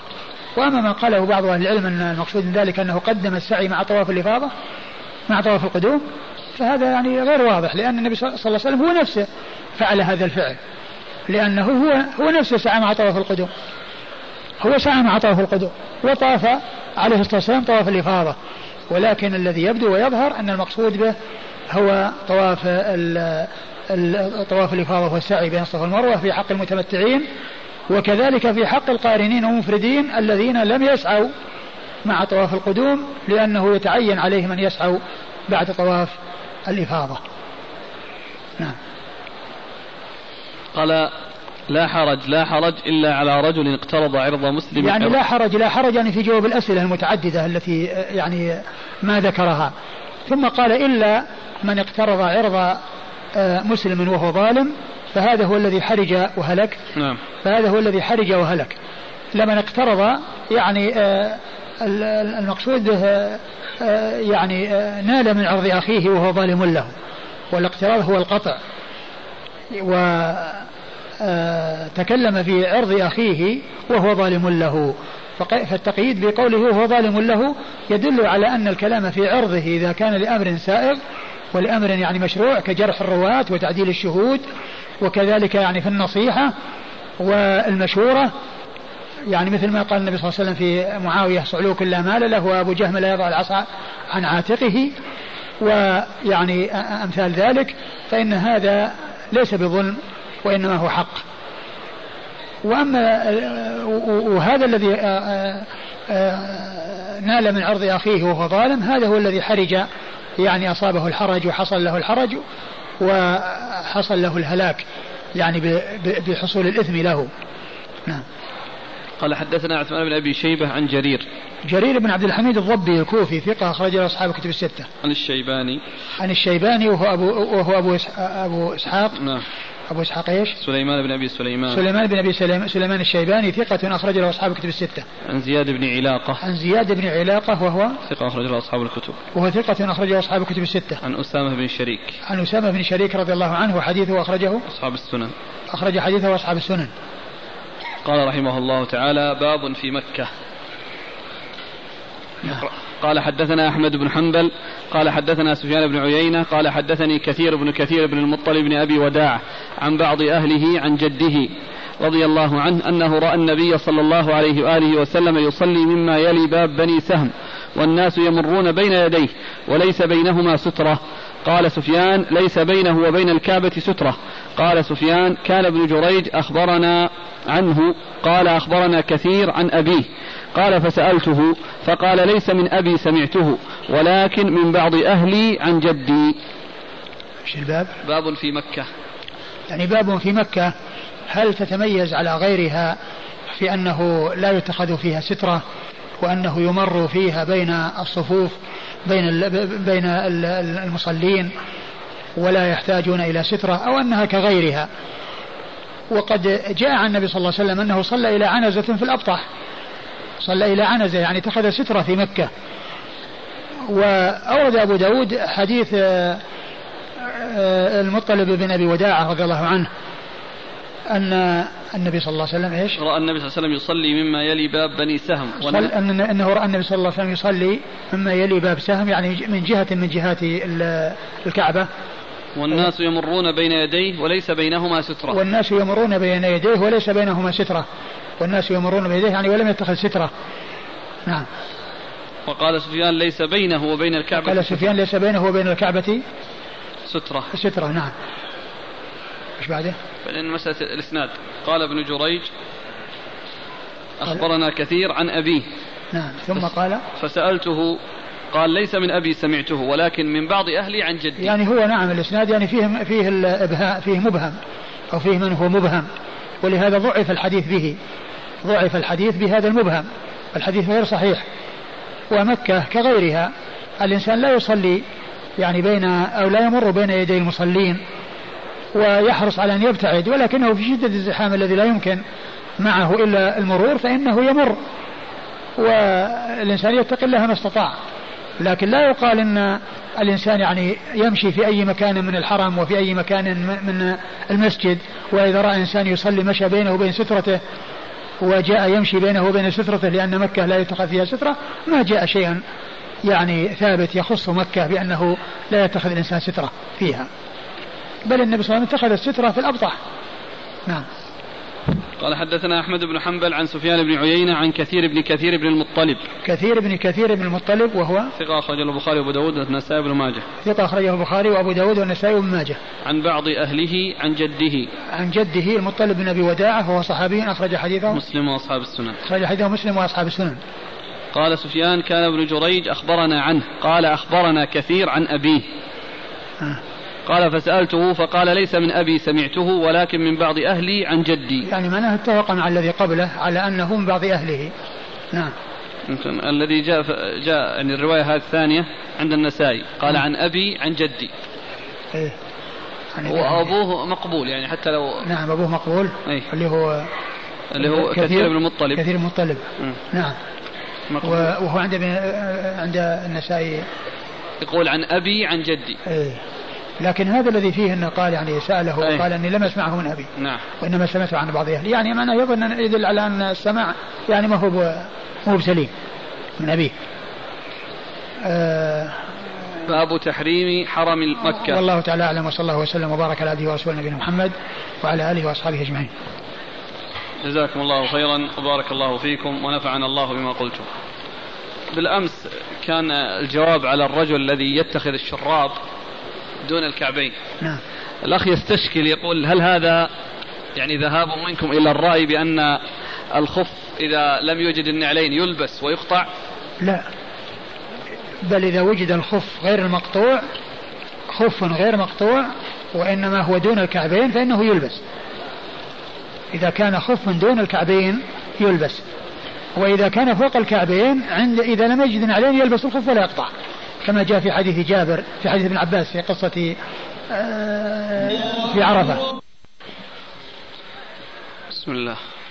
نود يا شيخ تكمل الجواب لأنه ما اتضح. السؤال السؤال الاستشكال أنكم أفتيتم البارحة الذي يلبس الشراب دون الكعبين لأجل الألم الذي في قدميه لا حرج عليه ولا فدية بخلاف إذا كانت يلبس الشراب كاملا. نعم. مع استشكال أن القطع الخفين لمن لم يجد النعلين قد نسخ في يوم عرفة. نعم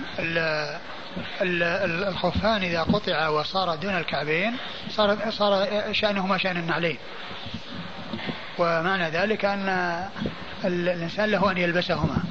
وأما فيما يتعلق بالخفين عند اللي يغطي الكعبين عندما يحتاج الإنسان إليهما فإنه فإنه لا يقطعهما لأنه جاء في حديث ابن عباس أن النبي صلى الله عليه وسلم في عرفة وفي حجة الوداع قال من لم يجد إزارا إزارا فليلبس السراويل ومن لم يجد علين فليلبس الخفين. وما ذكر القطع. فدل هذا على أن من عدم النعلين ولم يمكنه الحصول عليهما فله أن يلبس الخفين ولو كان مغطي مغطيين للكعبين ولا يلزمه قطعهما. وأما إذا كان الخف موجود وهو يعني ليس دون النعلين وهو دون الخف دون الكعبين الخف دون الكعبين فإنه يصير حكم حكم النعل. مثل ما لو قطع الخف وصار دون الكعبين فالنبي صلى الله عليه وسلم أذن في استعماله لأنه يصير مثل النعلين. وكذلك الشراب الذي يكون دون الكعبين.